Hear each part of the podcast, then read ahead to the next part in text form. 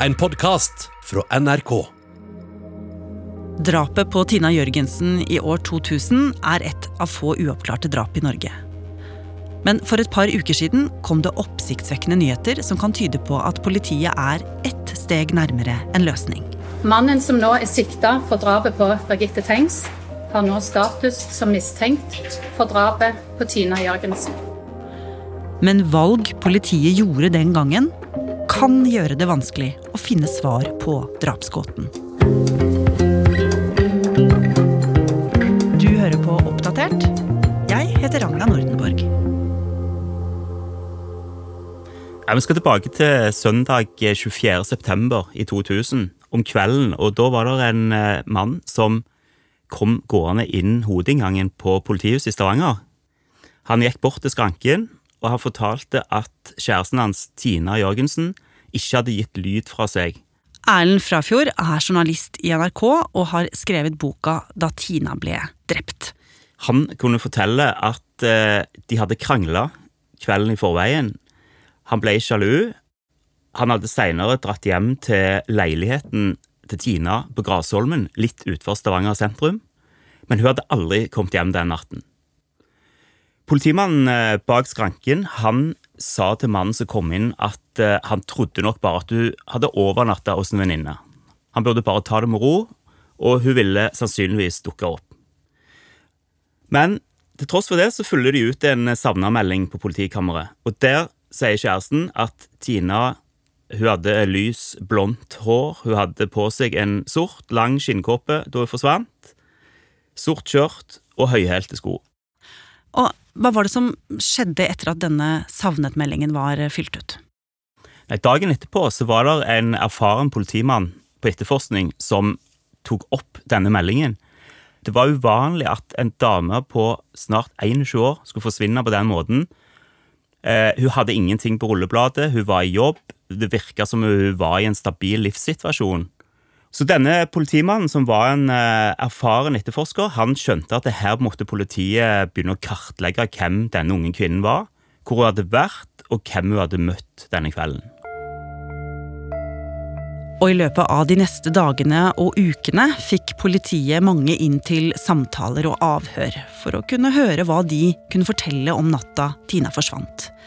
Det var Tina Jørgensens familie, venner og enkelte av dem som hadde vært med henne den kvelden. Det begynte med å kartlegge denne festen som Tina og kjæresten hadde vært på kvelden i forveien. Der virka hun glad og lykkelig. Hun satt mye sammen med en eh, annen jente og snakka denne kvelden. Og eh, det hun forteller til denne jenta, er at hun er i en eh, bra situasjon. Hun sier at hun og kjæresten planlegger å gå og se på et hus for å flytte sammen. Men det som òg blir klart for politiet, er at denne kvelden har vært noen konflikter mellom Tina og kjæresten. Det starta oppe på denne festen eller vorspielet litt utenfor Stavanger sentrum. Og det fortsatte i byen da de kommer ut på et utested litt seinere på kvelden. For der skal kjæresten ha ment at Tina hadde kysset noen andre, noe hun nekta for. Og de ble stående og skule på hverandre utenfor dette utestedet, noe mange fikk med seg. Ja, det er jo noen som har observert eh, Tina stående med hendene foran i kryss på brystet, og hun ser rasende ut. Det ender med at Tina snur på hælen, går i menneskemulderet innover mot torget i Stavanger. Og kjæresten fortalte jo også til politiet at han etter dette hadde gått over bybrua hjem til Tinas leilighet på Grasholmen. Han hadde ikke nøkkel med seg, så han var nødt til å bryte seg inn vinduet på Tinas soverom. Der finner han mobiltelefonen sin som han har lagt igjen før de dro ut på byen. Og han starter nokså raskt med å ringe Tina. Og han ringer og ringer og ringer, men får ikke noe svar. Så gikk han og la seg, sov noen timer, og Neste morgen da begynte han på ny å ringe. Da ringte han Tina, og han ringte veldig mange av vennene sine. Eh, han lurte på om det var noen som hadde sett Tina, eller visste hvor hun kunne være. Men det var ingen som hadde sett Tina, og det var heller ingen som visste hvor hun var hen. Og da politiet begynte å undersøke, så fant de også få digitale spor etter Tina. Eh, hun hadde verken brukt bankkort eller mobiltelefon i løpet av kvelden eller natta da hun eh, forsvant. Og flere dager gikk uten at Tina dukka opp, og politiet begynte da å forsøke å finne henne. Hva gjorde politiet? Det gikk noen dager, og så begynte de å lete etter henne. De satte i gang eh, intensive søk i havnebassenget, på land i Stavanger sentrum. De gikk manger over hele byen, i skogsområder, parker, og etter hvert så utvida de disse søkene til områder utenfor Stavanger, nedover på Jæren. Eh, det var jo veldig mange venner av Tina og hennes familie som ble med i disse søkene. Men eh, all denne letinga ga ingen resultater, og politiet valgte etter hvert å trappe ned det søket. Det ble jo stadig mer oppmerksomhet rundt denne forsvinningen etter hvert som Tina ikke dukka opp. Og jeg jobba som journalist i Stavanger Aftenblad på den tiden og fikk ansvar for å følge forsvinningen av Tina. Og jeg husker at jeg var oppe på politihuset i Stavanger og snakka med en av politisjefene.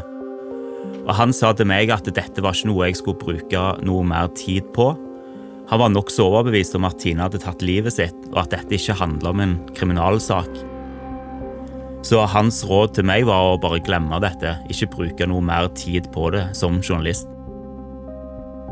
Og Jeg husker da jeg gikk ut fra politihuset den gangen at jeg får håpe for hans del at han tar rett, at dette ikke her er en kriminalsak, for i så fall så er de veldig langt bakpå.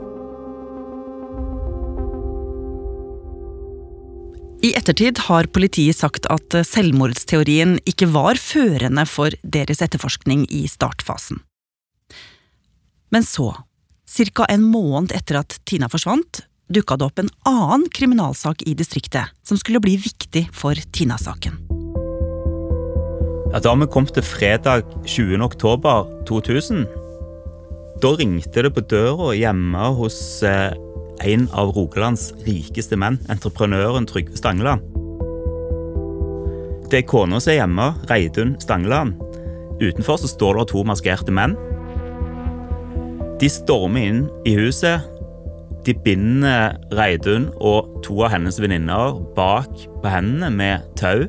Og de retter pistoler mot dem og truer dem med å finne safen i huset. Så disse mennene de blir geleida ned trappen eh, for å åpne safen, men der er det ingen penger.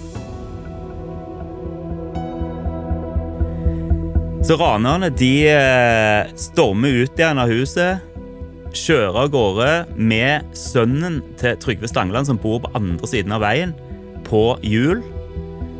Og etter hvert så klarer de å riste av seg forfølgeren og ender opp på Bore kirke i Klepp kommune. Dette ranet fikk jo enormt mye oppmerksomhet i media, og det overskygga på det tidspunktet forsvinningen av Tina Jørgensen. Det ene ransvåpenet det fant de nokså nær boligen til Trygve Stangeland, men våpen nummer to, det var borte vekk. Og 26. oktober, seks dager etter dette ranet, så var politiet ute og lette på parkeringsplassen ved Bore kirke. Der hadde de funnet ransbilen stående parkert dagen etter ranet. Etter hvert så er det en av disse politimennene som oppdager at et av kumlokkene på parkeringsplassen mangler denne mosekanten rundt lokket, og det syns han er påfallende. Så han går da og henter et spett i boden på kirkegården kom tilbake igjen, og så vippa han opp lokket på denne kummen. Og da blir han møtt av et syn som han aldri kommer til å glemme. Bare en halv meter under kumlokket så ser han eh, hodet på et menneske, et lik. Og han skjønner med en gang at dette må være eh, Tina Jørgensen. Og med det så gikk jo drapsalarmen, og Ganske kort tid etter så kom eh, etterforskere og krimteknikere for å undersøke dette funnet nærmere. Og hva var det de fant? Ja, Tina ble funnet delvis avkledd nede i kummen. Skjørtet var dratt opp, trusa var dratt ned, strømpebuksa var dratt ned. Og krimteknikerne fra Kripos de konkluderer med at dette trolig er et seksuelt motivert drap. Men helt sikre kan ikke politiet være. Tina hadde lagt flere uker i en kum, og det var ikke mulig for teknikerne å slå helt sikkert fast om Tina hadde blitt voldtatt. I tillegg så ligger Tina oppå en stor, hvit glassfibersekk som er bretta sammen. Så det her er det tydelig at drapsmannen har tatt Tina med seg enten oppi eller innrulla i denne sekken. Krimteknikerne så også at det var hull under foten på strømpebuksa til Tina. Og det kunne bety at hun hadde gått på strømpelessen den kvelden hun forsvant. De fant også ut at dødsårsaken var massiv vold mot hodet. Og politiet forsto da at de jaktet en brutal drapsmann. Og dette endret jo etterforskningen.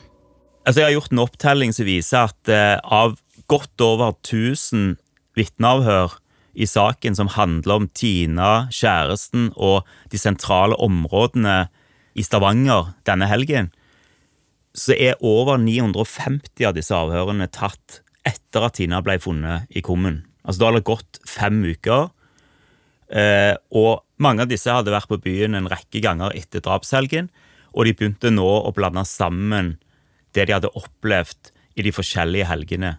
Så vitnemålene fikk svekka betydning fordi folk ikke lenger kunne skille helgene fra hverandre. Så det at etterforskninga skjøt fart så seint, gjorde altså at jobben med kartleggingen var vanskelig. Men noe fant de jo ut. Etter at eh, Tina forsvant fra kjæresten sin, så er det et overvåkingskamera som viser at du 0122 beveger seg inn på torget i Stavanger sentrum. Noen minutter etterpå, rundt klokka halv to, så er det et vitne som kjenner Tina, som ser at Tina står og snakker med en ukjent mann på torget rett utenfor Burger King. Denne mannen har aldri noen gang blitt identifisert. Han har vært etterlyst en rekke ganger i media, men har aldri meldt seg. Deretter så er det en del vitneobservasjoner som tyder på at Tina har gått hjemover mot Grasholmen. På Bybrua i Stavanger så er det to uavhengige vitner som ser en lyshåra jente springe over brua med skoene sine i hånda. Og Det er interessante observasjoner, fordi vi vet jo at Tina ble funnet med store hull under strømpebuksen, og har tydeligvis løpt en lengre distanse denne kvelden. Og Politiet snakka jo også med en taxisjåfør som var på jobb natta Tina forsvant. En halv time etter at Tina ble sett i sentrum, så kjørte han over bybroa med en passasjer. Før han tok av veien og kjørte ned en bakke mot Grasholmen, der Tina bodde. Klokka fem over to cirka, kjører denne drosjesjåføren nedover bakken. Han ser da en jente med lyst hår i veikanten. Eh, hun har òg skoene sine i hånda. Dette kan ha vært Tina, og i så fall så er hun et par hundre meter fra leiligheten sin. Drosjeføreren opplever at denne jenta vinker til han, eller i hvert fall prøver å søke hans oppmerksomhet. Eh, det ser ikke ut som hun er trua på noen som helst måte, så han tenker kanskje mer at hun trenger kyss tilbake igjen til sentrum. Han eh, bestemmer seg da for å sette av denne passasjeren nede ved havna og plukke opp igjen denne jenta på vei opp bakken igjen. Men da ser han ingen jente i bakken. Og denne sjåføren han har vært til politiavhør to ganger og I det ene avhøret da sier han til politiet at det der òg står en bil på andre sida av veikanten når han ser denne jenta. Og i det andre avhøret så sier han at det ikke sto noen bil på andre siden av, av veien. Eh, da jeg skrev boka, så ringte jeg til han og spurte hva som var sant. Og han sa til meg at han var helt sikker på den dag i dag at det sto en bil på andre sida av veikanten. Bare noen eh, meter fra det som kan ha vært Tina Jørgensen. Men det var flere som hadde interessante opplysninger om ting de hadde hørt og sett på Grasholmen den natta. Ja, like etter at taxisjåføren så det som trolig var Tina, så skjedde det noe ubehagelig ute på Grasholmen. En dame i en av disse leilighetene hadde akkurat åpna verandadøra for å ta seg en røyk. Og Denne døra den vendte mot brua, og plutselig så hørte hun det hun i avhør karakteriserer som et hjerteskjærende skrik. Samboeren han hørte òg det skriket, og de så på klokka på veggen, for de tenkte at hvis dette er noe, så vil vi være sikre på når vi har hørt det. Og klokka den var da 02.15. Og med dette ble politiet ganske sikre på at Grasholmen var drapsstedet. I tillegg så fant de en bit av den samme industrisekken som ble funnet i kummen med Tina på Grasholmen.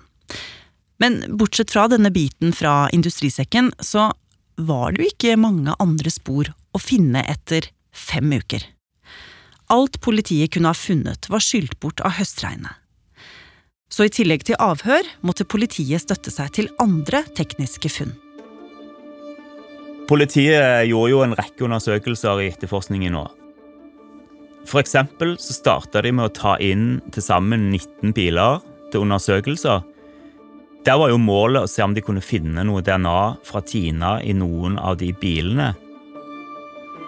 I tillegg til det så var det et furutre på Grasholmen like i nærheten av det politiet mener var åstedet for drapet. Og eh, det var en match mellom barnålen i kjærestens bil på Tinas genser og dette furutreet på åstedet.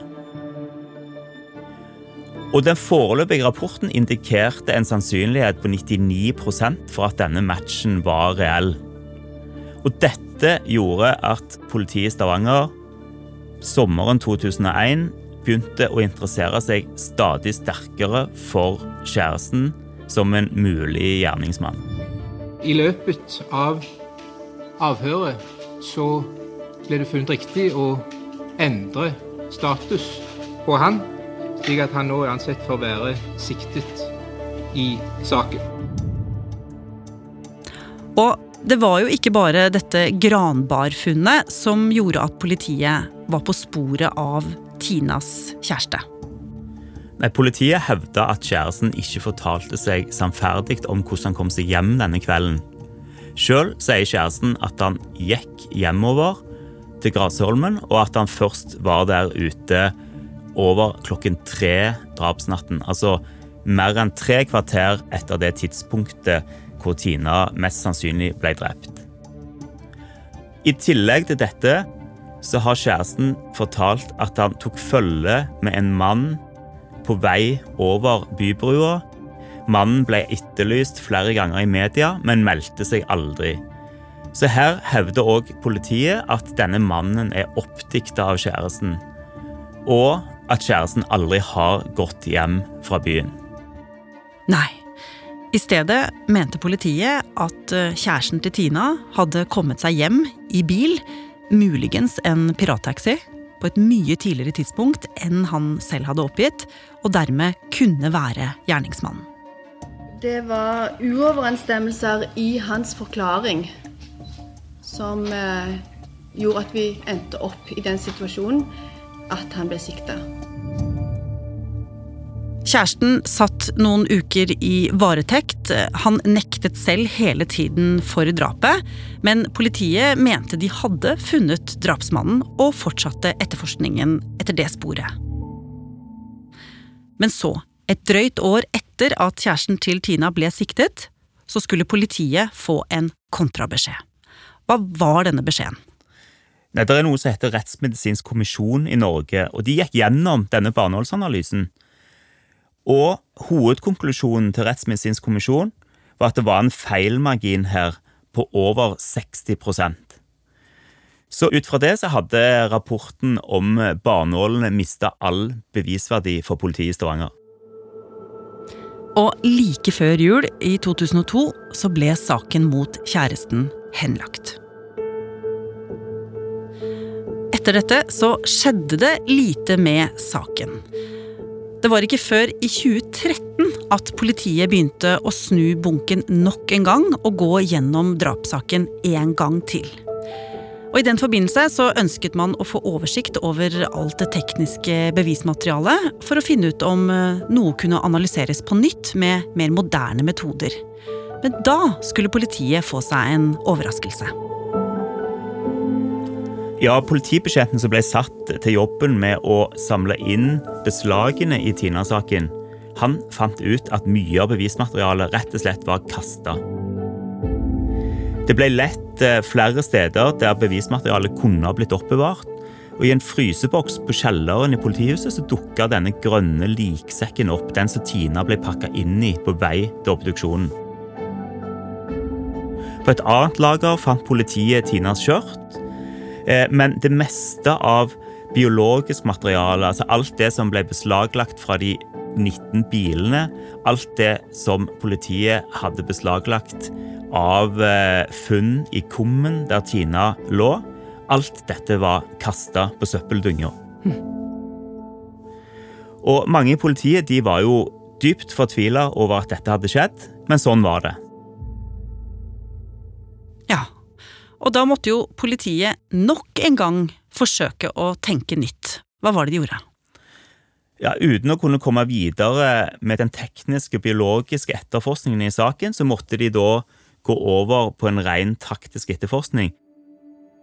De laga da en liste med åtte navn som de omtalte som alibikandidatene i saken. Og dette var da altså eh, menn som hadde alvorlige volds- eller sedelighetsforbrytelser på rullebladet, og som ikke hadde noe alibi for den natten Tina forsvant. Mm. Blant annet på denne lista sto navnet til en mann fra Karmøy som politiet hadde hatt i avhør sommeren 2001, men han var fortsatt en av de heiteste kandidatene i saken. Politiet visste at Karmøymannen Karmøy-mannen hadde vært på besøk hos en slektning i Stavanger den helga Tina forsvant. Han kolliderte nemlig med en taxi og måtte fylle ut skademelding. Slektningen han sier i avhør at han ikke så så veldig mye til han, og at denne Karmøy-mannen da bare kjørte mye rundt alene i bilen i de dagene han var der. Politiet visste òg at han hadde en lang historie bak seg med volds- og sedelighetsforbrytelser på Karmøy og i Stavanger. Ja, for han hadde jo flere dommer på seg for blotting og overfall på kvinner mens han var seksuelt opphisset. Han hadde også brutt seg inn hos kvinner og stjålet damesko og dameklær. I tillegg var også mannen dømt for å ha dratt hjem til psykologen sin og forsøkt å kvele henne. Ja, og i denne dommen eh, fra psykologoverfallet så står det at Karmøy-mannen av og til kom i et slags voldsmodus når han var seksuelt opphissa og kvelden før Tina forsvant, så fikk politiet meldinger om en blotter på Revheim i Stavanger. Måten denne blottingen hadde skjedd på, passa veldig godt med det moduset Karmøy-mannen hadde i tidligere blotterepisoder. Og da saken ble gjenopptatt i 2013, så ble han tatt inn til to nye avhør hos politiet, uten at de egentlig kom noe lenger enn det de gjorde med han tolv år tidligere. Men i 2015 så skulle det skje noe som fikk politiet til å flytte fokus over på en helt annen person. Ja, da fikk politiet tilgang til en lydfil. Det var to menn som satt i Lyngdal på et vorspiel og snakka sammen. Begge tilhørte et rusmiljø. Den ene av disse mennene han begynner plutselig å snakke om Tina-drapet, og at han var til stede da dette hadde skjedd i Stavanger. Han var en barndomsvenn av Tina. Tinas familie de ferierte på en campingplass utenfor Lyngdal. Han hadde vært forelska i henne, og han hadde beholdt kontakten med henne i flere år. Da han begynner å fortelle om drapsnatten og Tina, så setter da den andre mannen mobilen sin på opptak. Han forteller at han og flere fra Lyngdal hadde reist til Stavanger, møtt Tina. De hadde gått hjemover mot Tinas leilighet over bybrua og drapet hadde vært et sjalusidrap. Det var en av kompisene som hadde slått Tina i hæl, mens han sjøl hadde stått og sett på. Men han kunne ikke huske alle detaljer. Og dette var jo oppsiktsvekkende, naturlig nok, og i 2015 så ble denne Lyngdal-mannen og tre andre menn fra samme sted siktet for drapet på Tina Jørgensen. Men også denne gangen skulle det vise seg at politiet var på feil spor. Det de visste, var jo at det var ingen som hadde sett noen lyshåra jenter gå over bybrua den kvelden sammen med to andre menn.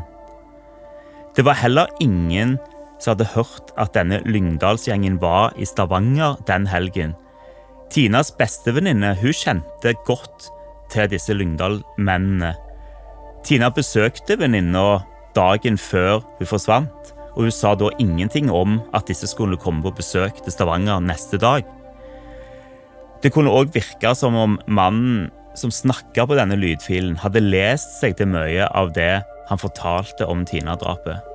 Så politiet måtte gjøre en analyse på å finne ut om dette var noe han faktisk hadde opplevd, eller noe han fantaserte seg til.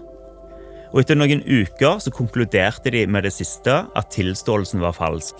Og De droppa da siktelsen mot de fire og løslot de fra varetekt.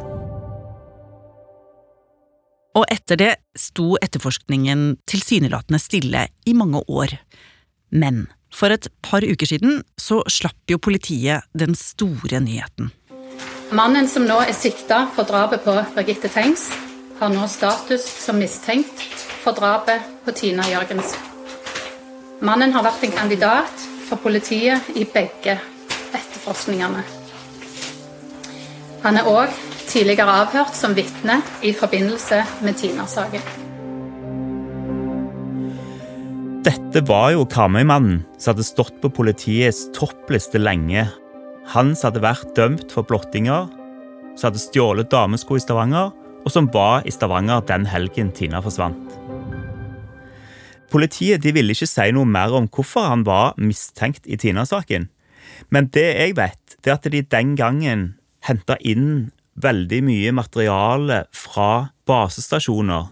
Altså, de har klart å finne ut eh, hvilke mobiltelefoner som ble brukt på basestasjoner nær bybrua i Stavanger, der åstedet for drapet var, i Stavanger sentrum, og utover mot Bore kirke på Klepp, hvor Tina ble funnet i kummen. Og det kan være at det ligger noe i dette materialet som har knytta denne Karmøy-mannen tettere opp mot drapshandlingen. Det vet vi ikke foreløpig. Mm så er det jo òg sånn at disse to drapene har klare likhetstrekk. Hvis det nå viser seg at de har håndfaste bevis i Birgitte-saken, at de gjennom DNA klarer å dokumentere at det er han som har drept Birgitte Tengs, så er det jo òg langt mer sannsynlig at han har begått Tina-drapet. Ja, hvorfor det? Det er veldig få mennesker i Norge som ut fra statistikken er i stand til å gjennomføre en så bestialsk handling som et rovmord utendørs på en kvinne på vei hjem fra byen. Mm. Men så blir det spennende å se om de faktisk er noe nærmere oppklaring på Tina-drapet. Ja, for mannen nekter jo straffskyld både for drapet på Birgitte Tengs og Tina Jørgensen. Og i Tina Jørgensen-saken så er han også kun mistenkt. Og selv om DNA-teknologien har kommet langt siden den gang, så får jo politiet trolig ikke gått opp dette på nytt fordi store deler av bevismaterialet er kasta. Og hva tenker du om det, Erlend? Eh, alle tabbene som har blitt gjort, særlig i Birgitte-saken, men òg i Tina-saken, det er jo et håp om at politiet i Norge har lært av eh, tidligere metoder og det kommer òg nå snart et nasjonalt beredskapslager for bevismateriale i straffesaker, som gjør at en kan sitte med dette materialet nær sagt i all evighet. Så selv om disse sakene er dypt tragiske, så er det jo et håp om at de kan ha bidratt til å gjøre norsk politi bedre i framtida. Vi i Oppdatert har vært i kontakt med politiadvokat Fredrik Martin Soma i Sør-Vest politidistrikt. Han sier at de har forståelse for at det stilles mange spørsmål rundt arbeidet som ble gjort i Tina Jørgensen-saken. Men han sier også at politiet nå er i en situasjon der de vil fokusere på den videre etterforskningen både av Tina Jørgensen-saken og Birgitte Tengs-saken. og at de ønsker å jobbe med de anbefalingene de har fått av Kripos sin Cold Case-gruppe.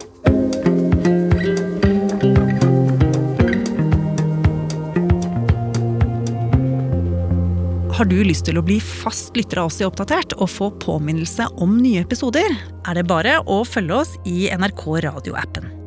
Og så er det veldig hyggelig hvis du vil anbefale oss til en venn.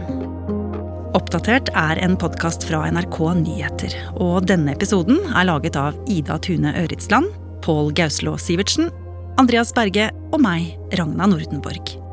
Knut Are Tornås er redaksjonssjef. Vil du kontakte oss, gjør gjerne det på oppdatert krøllalfa nrk.no. Du har hørt en podkast fra NRK. Hør flere podkaster og din favorittkanal i appen NRK Radio.